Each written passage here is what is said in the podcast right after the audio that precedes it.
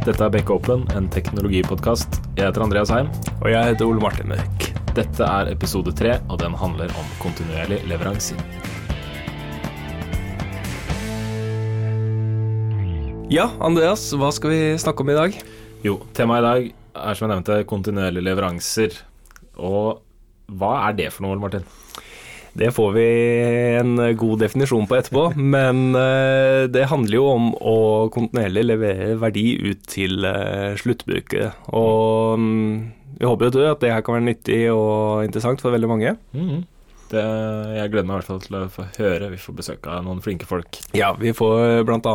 besøk av Martin eh, Bekkelund, som er produkteier på Digipost. Og så får vi besøk av Stein Inge Morrisbakk, som eh, er leder for Beck sin eh, faggruppe for kontinuerlige leveranser. Og så får vi besøk av Jon Fagerås, som driver med IT-rådgivning i Beck. Men Andreas, har du gjort noe spennende i det siste? Ja, det har jeg gjort, vet du. Ja. Så bra. ja, jeg har lest en bok. Gratulerer. Takk. Det var en uh, fagbok uh, som heter et eller annet med microservices av Sam Newman fra Thoughtworks. Ja. Um, du har sett noen av foredragene hans? Jo, jeg var på, en, uh, var på et kurs på programutvikling uh, med Sam Newman. Det var Ja. interessant. Så Ja. jeg regner med at boken handlet om mye av det samme. Det er det. Det er en litt sånn ovenfra altså fugleperspektiv på microservices, da, som dykker litt ned i eh, spesifikk, men mer sånn overordna eh, hva man trenger organisasjonsmessig og sånn. Så det kan jo være en god forlengelse av forrige podkast, som da handlet om microservicer. Ja. Som jeg vil anbefale deg at eh, du har jo hørt den, for du var jo med å lage den. Men hvis det er noen som hører på som ikke har hørt den, så anbefaler jeg det. Ja.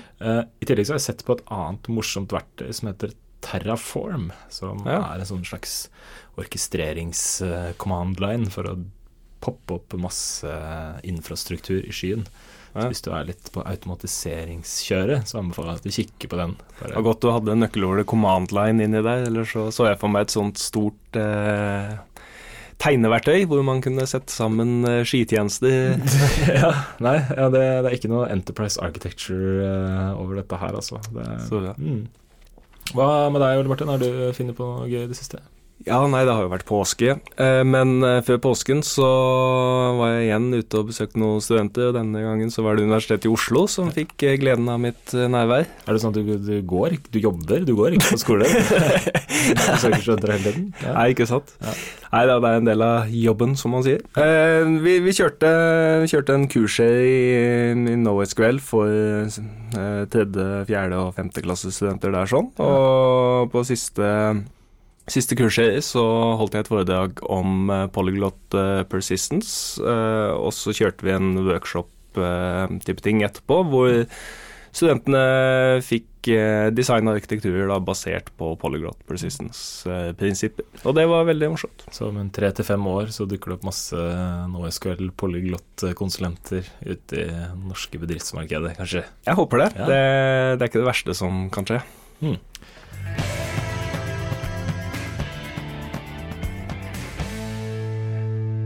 Da har vi fått besøk i studio her av eh, to stykker. Eh, her sitter Martin Bekkelund, som er eh, direktør og produkteier i Digipost. Det stemmer. ja.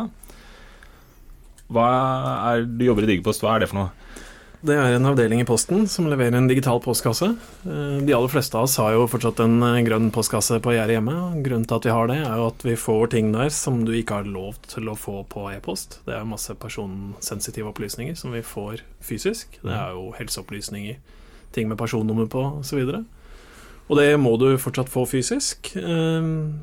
Eh, Så vi har jo da sett et marked for en eh, digital løsning som gjør at du kan motta den type ting. Altså det mest sensitive du har, det kan du da motta i Digipost også. Så vi har klart å dekke det gapet mellom fysisk og e-post med en kanal hvor du kan få alt. Bra. Så bra. Eh, vi har også Stein Inge Morrisbakk her. Han, du er leder for eh, kontinuerlig leveranse-faggruppen i Beck. Og så leder du også meetupen DevOps Norway, stemmer det? Det stemmer. Velkommen til oss. Tusen takk. Også en ganske habil basspiller. Mm, takk. Ja. Vi skal snakke om eh, kontinuerlige leveranser. Eh, Hva er kontinuerlige leveranser, Svein Inge? Kontinuerlige leveranser, det er å levere verdi til brukerne hyppig. Og gjennom å eh, gjøre kontinuerlige leveranser, så tar man også ned risiko i leveranseprosessen. Og man, eh, man sørger for at man lager eh, det som brukerne setter størst pris på. Hva er liksom motsatsen til kontinuerlige leveranser? Det er å ja, Det blir jo ikke levere kontinuerlig, da. Levere i større batcher. Mm. eh, hvor man, eh, som krever mye forhåndsplanlegging, mye analyse, mye laging og, av krav og estimering og, og sånne ting før man setter i gang. Og så jobber man uh, i en lengre periode, og så slipper man alt med et brak på Mm. brukerne. Martin, hvorfor er ikke analyse og forhåndsplanlegging bra? Nå er det jo eh, noe som skiller IT-bransjen fra en del andre bransjer, f.eks. byggebransjen. Byggebransjen har det jo med at eh, skal du føre opp et hus, så er du nødt til å bygge grunnmuren først, og bygge opp på stein for stein. Så da gir det jo seg selv. Men eh, i eh, IT-bransjen så er det jo ofte sånn at det er veldig mye usikkerhet knytta til det som skal lages. Ofte så er det jo som Stein Inge også er inne på, at du må teste ut tidlig hva brukerne vil ha, og hva de ikke vil ha. Og justere kursen fortløpende. Så det å sitte og planlegge opp uh, mye på forhånd, da lager man mange hypoteser om hva folk vil ha, og hva som skaper verdi, og så, som igjen da Stein Inge var inne på, slipper du alt dette med et bra, kanskje en gang eller to i året, og så får man da masse bugfiksing og risiko uh, som følge av dette. Så uh, det med å klare å kontinuerlig justere kursen sin underveis, det er med det viktigste, tenker jeg. Det er i hvert fall det å ta ned risikoen. Mm. Og det er risiko på så veldig mange måter. Det er forretningsrisiko, det er teknisk risiko, og det er eh, i det hele tatt veldig mange fordeler med å gjøre det på den måten. Men eh, når det gjelder risiko, så kan man jo argumentere eh, med at det, det tar lang tid å teste det man skal ha ut i produksjon. Det er jo Man kan jo ikke mm, For mange kunder så tenker de at de kan ikke bare slippe noe ut i produksjon kontinuerlig. Det, man må jo i hvert fall ha en måned med testfase først. To måneder. Ja, det er mange som tenker sånn fortsatt, det er det ikke noe tvil om. Um, og da tror jeg man trenger å se litt på hvordan man gjør hele utviklingsprosessen sin. Hvis du har en god og smidig utviklingsprosess, så er testing en integrert del av det å gjøre utvikling, hvor du har alt fra du starter utvikle til det er ferdig produksjon, så er testing en integrert del av det. Sånn at ikke du beveger deg mellom forskjellige faser med at først skal vi utvikle, og så skal vi teste, og så skal det releases. Så Det blir mer det at noen kan sitte og utvikle, og noen andre kan sitte og teste, sånn at du har en sånn slags kontinuerlig flyt av funksjonalitet som utvikles, testes og releases i produksjon det øyeblikket det er ferdig. Og Jo mindre du klarer å gjøre dette her, altså jo mindre biter, jo mindre risiko, og mindre tid bruker du på testing av det. Mm. Er du enig, Stein Inge? Jeg er helt enig. Eh, Det handler jo om eh, å innskrenke de fasene som eh, Martin beskriver her, eh, til kortest mulig kortest mulig iterasjoner, Mm. hvor man eh, planlegger litt. eh, Og da ser man gjerne på hva slags verdi er det man ønsker å få testa ut. Hvilken hypotese er det man ønsker å få testa ut på sluttbrukerne. Så lager man noe som eh, som er, en, eh, som er noe som kan brukes til å teste dette her ut på brukerne. Mm. Og så eh, tar man og analyserer og ser på, på, på resultatet av det man har produsert. Det høres jo litt ut som sånn lean startup-tankegang. Eh, vil du si at det er liksom kontinuerlige leveranser og lean startup liksom glir litt i hverandre, eller er det to forskjellige ting? Ja, det gjør jo det. Uh, lean startup er jo uh, hva skal jeg si, mer forretningsmessig siden av det, hvor Mm. du har en forretningshypotese, og du ønsker å teste ut den tidlig. Det er jo det som lean startup i stor grad handler om, hvis du skal kutte det ned til noe veldig enkelt. Mm. Um, kontinuerlige leveranser er jo uh, kanskje mer den tekniske manifestasjonen av det. Okay, du tester med hjelp av teknologi tidlig ut hypotesene dine, forretningshypotesene dine, så det er klart at de to er jo ganske hånd i hanske, vil jeg si. Stein Inge, mm, vi snakker jo om kontinuerlige leveranser, og den meetupen din heter jo DevOps. Eh, Hva, hva er forskjellen, og hva er likheten? Ja, eh, en, av, eh, en av greiene er jo at DevOps er et veldig mye større motor enn kontinuerlige leveranser, som er lenger. Så ofte så blir disse her eh, blanda litt sammen. Men eh, etter mitt syn så er det, så er det ikke det samme. Eh, DevOps er noe som uh, er med å bidra til å muliggjøre kontinuerlige leveranser gjennom at du får drifterne til å jobbe sammen med utviklerne, og dermed får du team som si, har alle de ressursene som kreves for å levere programvare. Hva er liksom problemet med å ha et eget driftsteam? Hva er liksom hovedproblemet? Ja, hovedproblemet er at uh, som med alle ting hvor man har folk som skal samarbeide og som ikke sitter sammen, at uh, det oppstår uh, misforståelser, og at det er gjerne sånn at de som er dedikert til å jobbe med oppgaver, de vet også best hvordan, hvordan noe skal løses. De kjenner måte, på kroppen hva som skal til. da. Mm. Der er jo Stein Inge også inne på noe som er eh, vesentlig, som vi gjør i Posten. Det er jo at man sitter jo sammen, alle som skal utvikle produktet. Du har drifterne, du har utviklerne, du har forretningsutviklerne, du har ledelsen. Alle sitter sammen. Istedenfor en mer tradisjonell modell hvor du har en IT-avdeling, og så har du en forretningsenhet, og så er forretningsenheten bestiller, og så er eh, IT-avdelingen leverandør, og så blir det veldig mye sånn bestillinger som går på kryss og tvers, og jeg ser det nikkes andre steder i rommet her også. Og det er det er en stor flaskehals, så DevOps løser det veldig bra. Og så bør man ta den helt ut. La forretningsutvikling og alle idémakere sitte sammen med utviklerne, drifterne osv. Da får du løst alle problemer i en autonom enhet der og da. Du var så var kort innpå det, Martin. Eh, hva vil du si Digipost har gjort Eh, riktig for å få til kontinuerlige leveranser? Det er noen ting som har vært gjort riktig helt fra starten av. En av de viktigste tingene det er at uh, man så at her var det behov for en autonom enhet. altså vil Si at det er en avdeling som i veldig stor grad er selvstendig, så man tar egne beslutninger. Da sitter man da sammen, altså vil Si at ledelse, forretningsutvikling, salg, marked, utviklere, driftere alt som skal til for å ta en idé helt ut i produksjon og ut i markedet, de sitter i én og samme avdeling. Det har vært den ene suksessen, selvfølgelig, og så er det jo mange andre sånn følgesuksesser ut av det. Man sitter sammen, fysisk samlokalisert, eh, sånn at det bare er å gå over bordet og snakke med noen. Så er det ikke minst metoden. Man er ikke redd for endringer. Eh, veldig lite dokumentasjon og planlegging, slik Stein Inge var inne på. Det tror jeg har vært en stor forutsetning, sånn at du slipper å dokumentere og kravspekke opp alt på forhånd. Teste ut ting, ta det ut i markedet. Funker det ikke, så må vi gjøre noe med det. Mm. Det er veldig interessant det du sier, Martin. Du, er jo på en måte en slags produkteier i Digipost. Eh, Stein Inge, du jobber også i Digipost. Eh, vet ikke om jeg har sagt det, men du, har du noen sånn eh, syn på hva Digipost har gjort riktig på liksom det tekniske nivået. Nå fikk vi liksom høre litt hva måtte, produkteierskap og sånne ting eh, det funker bra. Eh, hva, hva, hva har dere gjort riktig rent teknisk Stanninger, på Digipost? Ja, der er det mye å ta av, holdt jeg på å si. Eh, det er helt klart at det er viktig med hvordan man løser ting teknologisk. Jeg kan nevne sånne ting som at vi bruker utelukkende open source. Mm. noe som gjør at vi kan plukke på øverste hylle av de beste rammeverkene som finnes der ute i verden. Og ha en support på det som er helt uten like.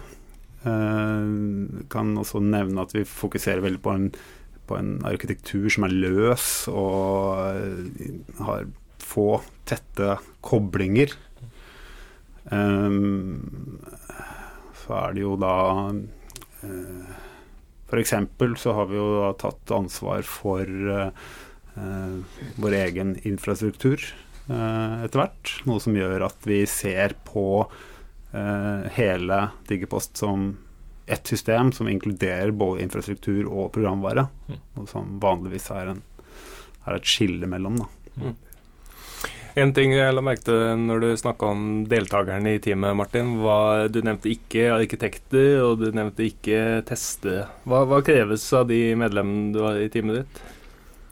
Som du sa, så har vi ikke arkitekter. Eller vi har jo for så vidt eh, arkitekter. Utviklerne og forretningsutviklerne funker jo som en slags arkitekt ville gjort i en annen organisasjon. Um, det vi gjør, sånn rent i teknisk, i utviklingsprosessen, så har jo utviklerne ansvar fra det blir plukka fra en backlog til det er ute i produksjon. Og da tar man hånden om alt fra utvikling, eh, testing, eh, akseptansetesting, verifisering, releasing. Det er ikke samme person som gjør hele det. Det har vi jo mekanismer for å sørge for både sikkerhet og kvalitet. Um, så det er forskjellige personer som håndterer dette de forskjellige stegene, men det er jo da Sørge for at det ikke blir en sånn handoff med at jeg utvikla dette her, og så er det noen andre sitt ansvar å teste det, og så er det noen tredje sitt ansvar å liksom, drifte og release det.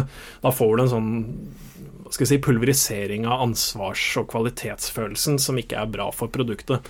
Så Det viktigste er at du har utviklere og driftere og, som føler at de eier kvaliteten fra de begynner å kode det, til det kjører i produksjon. Mm. Og når du kjører i produksjonssendinger, hva skjer da? Hvem har ansvaret for uh, Digipost i produksjon? Det som, er, det som jeg syns er essensielt, og som vi har fått til veldig bra, er at uh, vi er alle ansvarliggjort. Det er ikke sånn at hvis noen innfører en bug, så peker alle fingeren på han og, eh, og, og henger den ut. Mm. Men Gjør vel eh, det litt også, kanskje? ja, klart vi gjør. det er ingen som lager bugs vanligvis. Altså. Ja, det skjønner du. Ja. På en litt humoristisk uh, måte, da.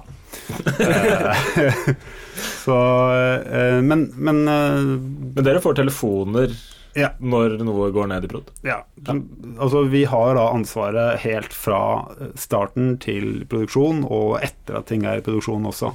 Så vi eh, Utviklerne har beredskap hos oss. Mm. Uh, og det er veldig vesentlig, fordi at det er de som har uh, eh, laga produktet, som er de som er best egna også til å fikse det hvis noe går galt. da. Hvordan håndterer liksom utviklerne å få det ansvaret, i tillegg til å skal levere kvalitet? Det har blitt mottatt veldig godt blant utviklerne. Uh, mye fordi at vi har gjort ting riktig. Og gjennom at vi tar ansvaret, så fokuserer vi altså på å gjøre ting riktig, sånn at vi slipper å bli ringt opp om natta. For det, det, jo... Blir det vanskeligere å ta snarveier når, det, når, du på en måte får en telefon midt på natta? Du risikerer ja. å få en telefon midt på natta? Jeg vet ikke om det gjør det vanskeligere, men det er bare det at du tenker på det, og det at du har ansvaret, gjør jo at du føler mer Jeg vil heller si at du føler et større eierskap til det du lager, da. Eh, når du ikke overlater noe ansvar til noen andre enn gruppen. Mm. Kan du bare fylle litt på akkurat det du sa der, fordi vi har jo eksempler på liksom, ting som går ned i produksjonen fredag kveld. Og så har vi jo internforum med diskusjoner hvor ting eh, diskuteres, og plutselig så ser du en syv-åtte utviklere kaster seg inn i diskusjonen som har fri fredag kveld. Det sier noe om hvordan eierskapsfølelsen er eh, hos oss. Da. Dette er helt egen frivillig, en kultur som vi har klart å bygge opp. Hvordan eh, konkrete konkurransefortrinn har de kontinuerlige leveransene som dere praktiserer, gitt Digipost? Har du noen tanker om det, Martin? Altså, Kontinuerlige leveranser er jo først og fremst det å kunne ta ting eh, først ut i markedet. Det trenger jo ikke være ferdig produkt som du tar ut, men det å teste ut en idé om hva kundene har behov for, mm. det er jo noe som kontinuerlige leveranser er veldig godt skikka for å gjøre. Så nå jobber vi jo akkurat nå om dagen så jobber vi med en uh, ny funksjonalitet som vi tester ut i betamiljøer og på bedriftsbrukere helt konkret, for å få tidlig tilbakemelding på er dette faktisk det du ønsker deg. Og så sier de ja og nei, og kommer med noen forslag til innspill, og jeg kunne heller tenke meg det, osv. Så, videre. så det er klart at da kommer du tidlig ut i markedet og får assosiert merkevaren Digipost med denne typen tjeneste. Så om du ikke er first mover nødvendigvis, så er du i hvert fall eh, såpass tidlig ute at folk husker deg til neste gang. Martin nevner jo å prøve ut uh, ny funksjonalitet for enkelte uh, grupper av brukere, og det krever jo noe teknisk, uh, Sten Ja, vi har jo muliggjort uh, å kunne gjøre nettopp det, på flere vis, egentlig. Vi opererer med uh, et alfa, alfamiljø, et betamiljø og et prod-miljø. Alfamiljøet brukes ofte for veldig eksperimentelle ting. brukes gjerne internt for å teste ut noe, før det liksom mens det er veldig tidlig stadium. Mens beta-miljøet brukes av brukere som er spesielt interessert da, i å følge produktet. Og ellers så har vi også muligheten til å skru av og på funksjonalitet i produksjon. Så vi setter ting i produksjon gjerne lang tid før det er tenkt å, å lanseres. Eh, og eh, har da mulighet til å skru det på når vi føler at vi er eh, fornøyd. Har du noe da funksjonalitet for å skru på for et gitt sett med brukere også? Ja, det har vi også. Ja. Vi har eh, muligheten til å velge oss et utvalg av brukere. Så bra. Avslutningsvis eh, vil jeg gjerne takke for at eh, dere kom på besøk til oss i dag. Eh, så er det noen som har hvisket meg i øret, Martin, at du har en litt sånn ranteblogg. Ja, det prøver å ikke la det være så mye ranting, da, mer et sånn konstruktivt blikk på ting som er bra og dårlig med norsk IT-bransje. Det gjøres jo veldig mye bra, og det kommer for dårlig fram. Um, så gjøres det selvfølgelig noen mindre dårlige ting, som man alltid leser om i eh, nettavisene. Så et eh, skråblikk på det på bekkelund.net. Bekkelund.net. Lesestoff for helgen. Takk skal du ha.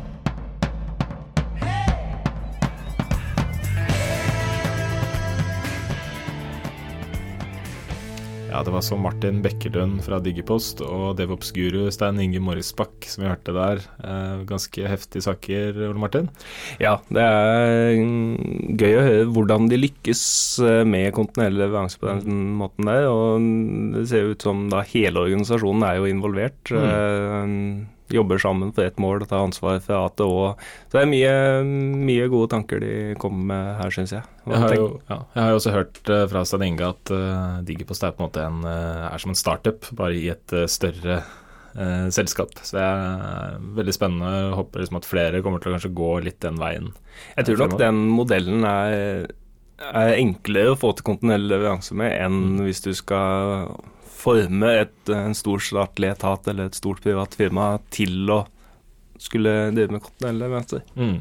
Interessant det du sier der, Martin. eh, For nå får vi jo besøk av Jon Fagerås, som driver med IT-rådgivning i Bekk. Og han skal fortelle oss litt om hvordan han tror framtiden ser ut.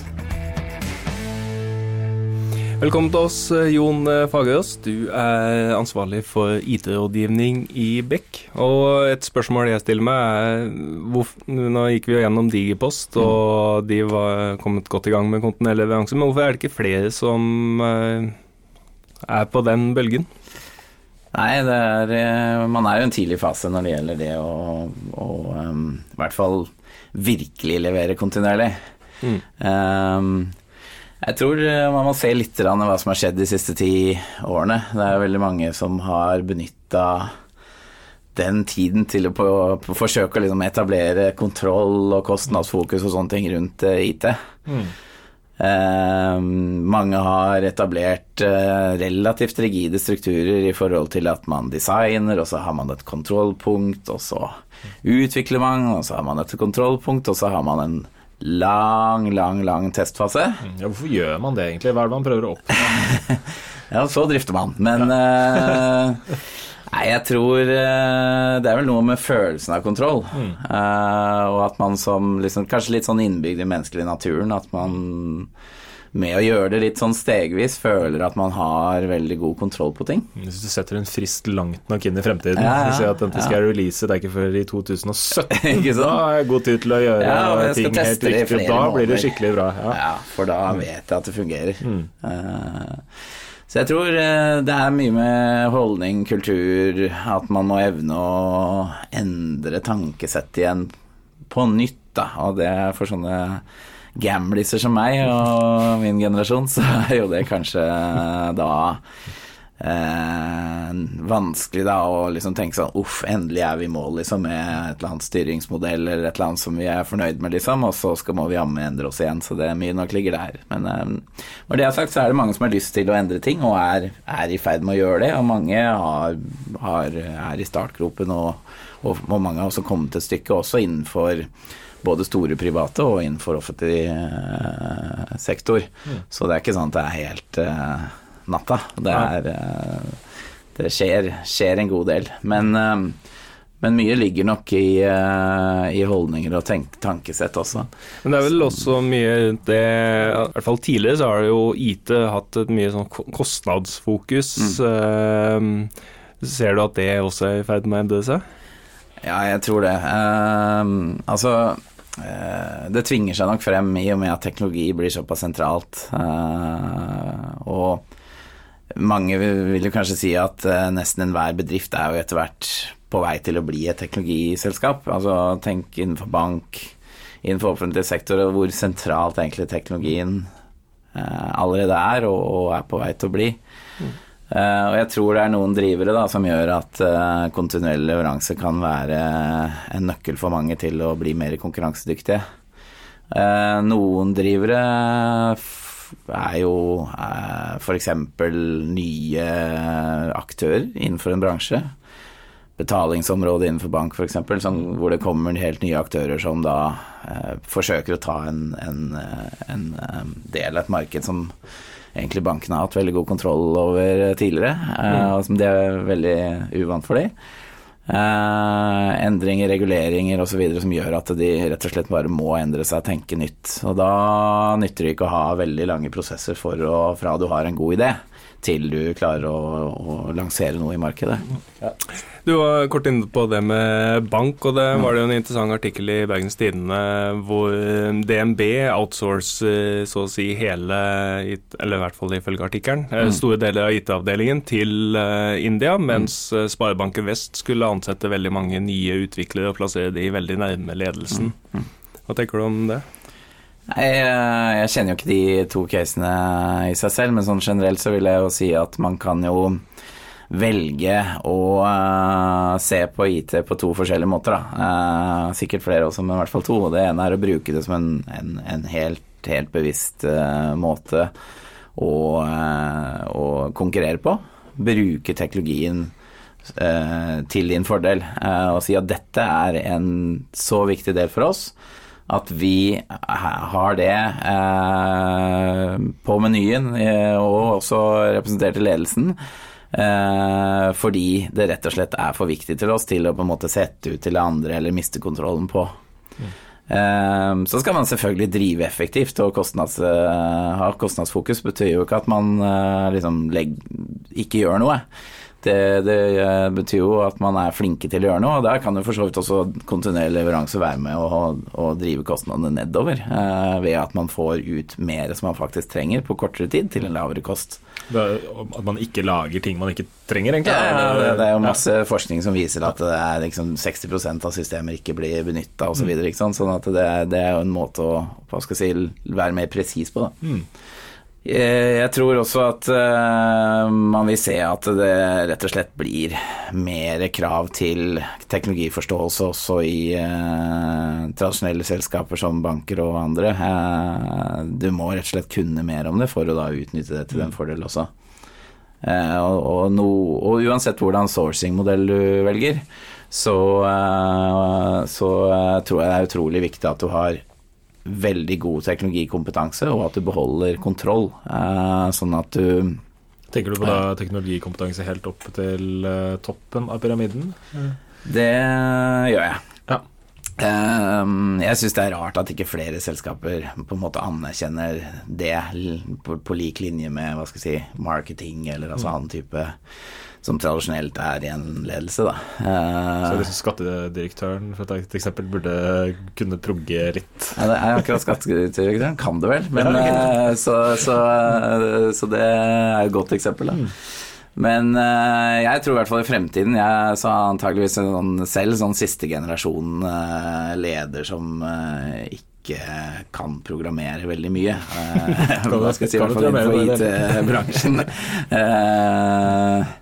Jeg tror det er så gjennomsyra del av samfunnet vårt. Og tenk deg den generasjonen som vokser opp nå. Um, med hva heter det for noe sånn digital natives, ikke sant? Som hvor, hvor, alt er uh, Hvor de på en måte er vokst opp, og, og det, det, er en naturlig del av, uh, av deres uh, Også i arbeidslivet, når de kommer dit. Tror du at vi om f.eks. 10-15-20 år kommer til å ha Eller kommer til å se det som vi ser, eh, har sett nå eh, i mange år, at man ikke klarer å f.eks.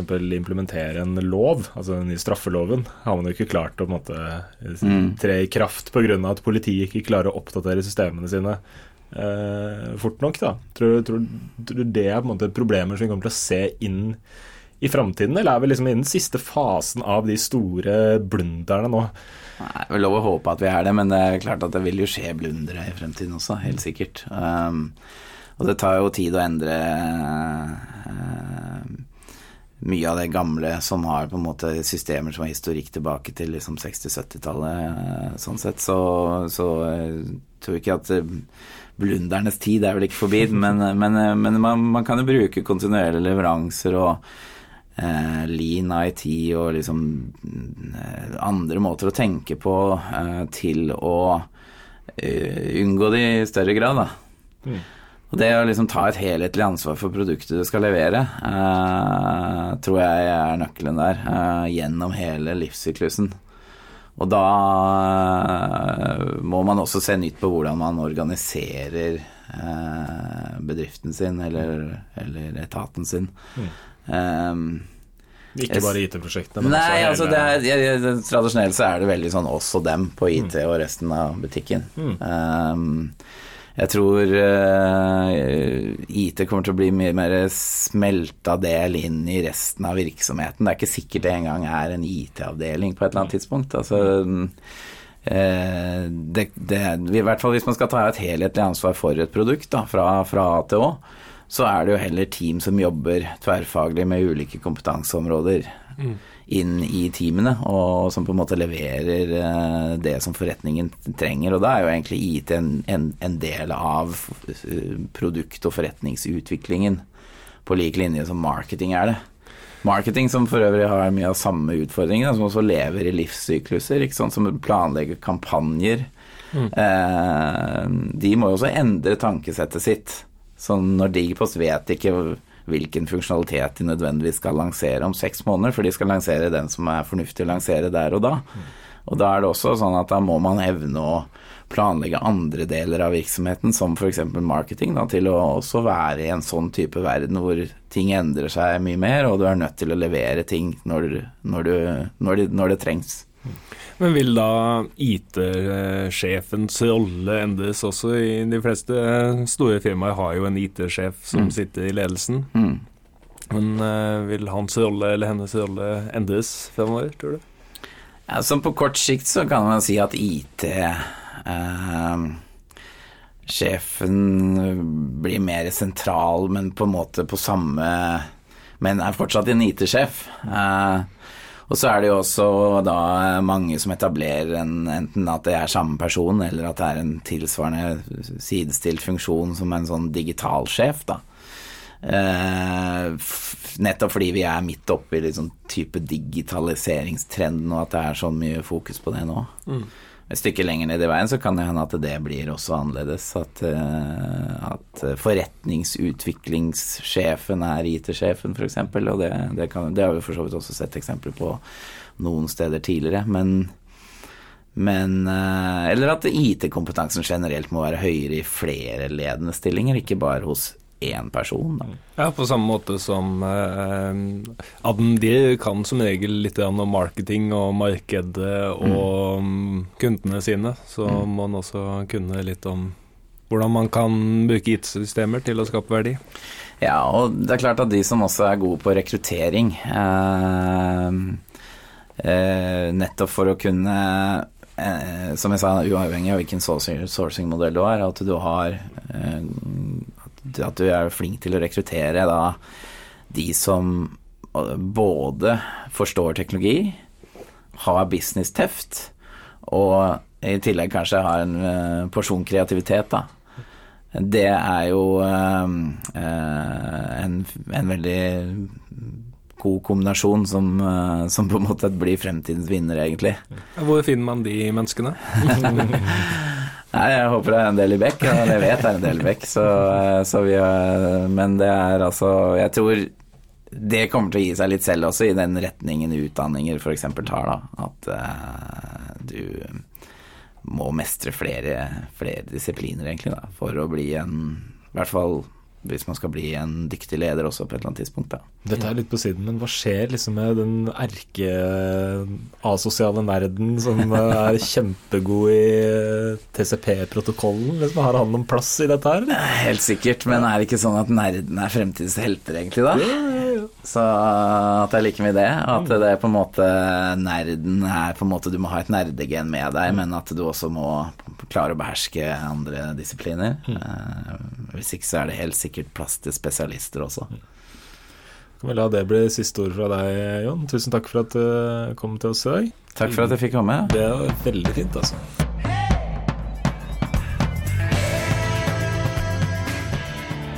Ja, takk til Jon Fagerås.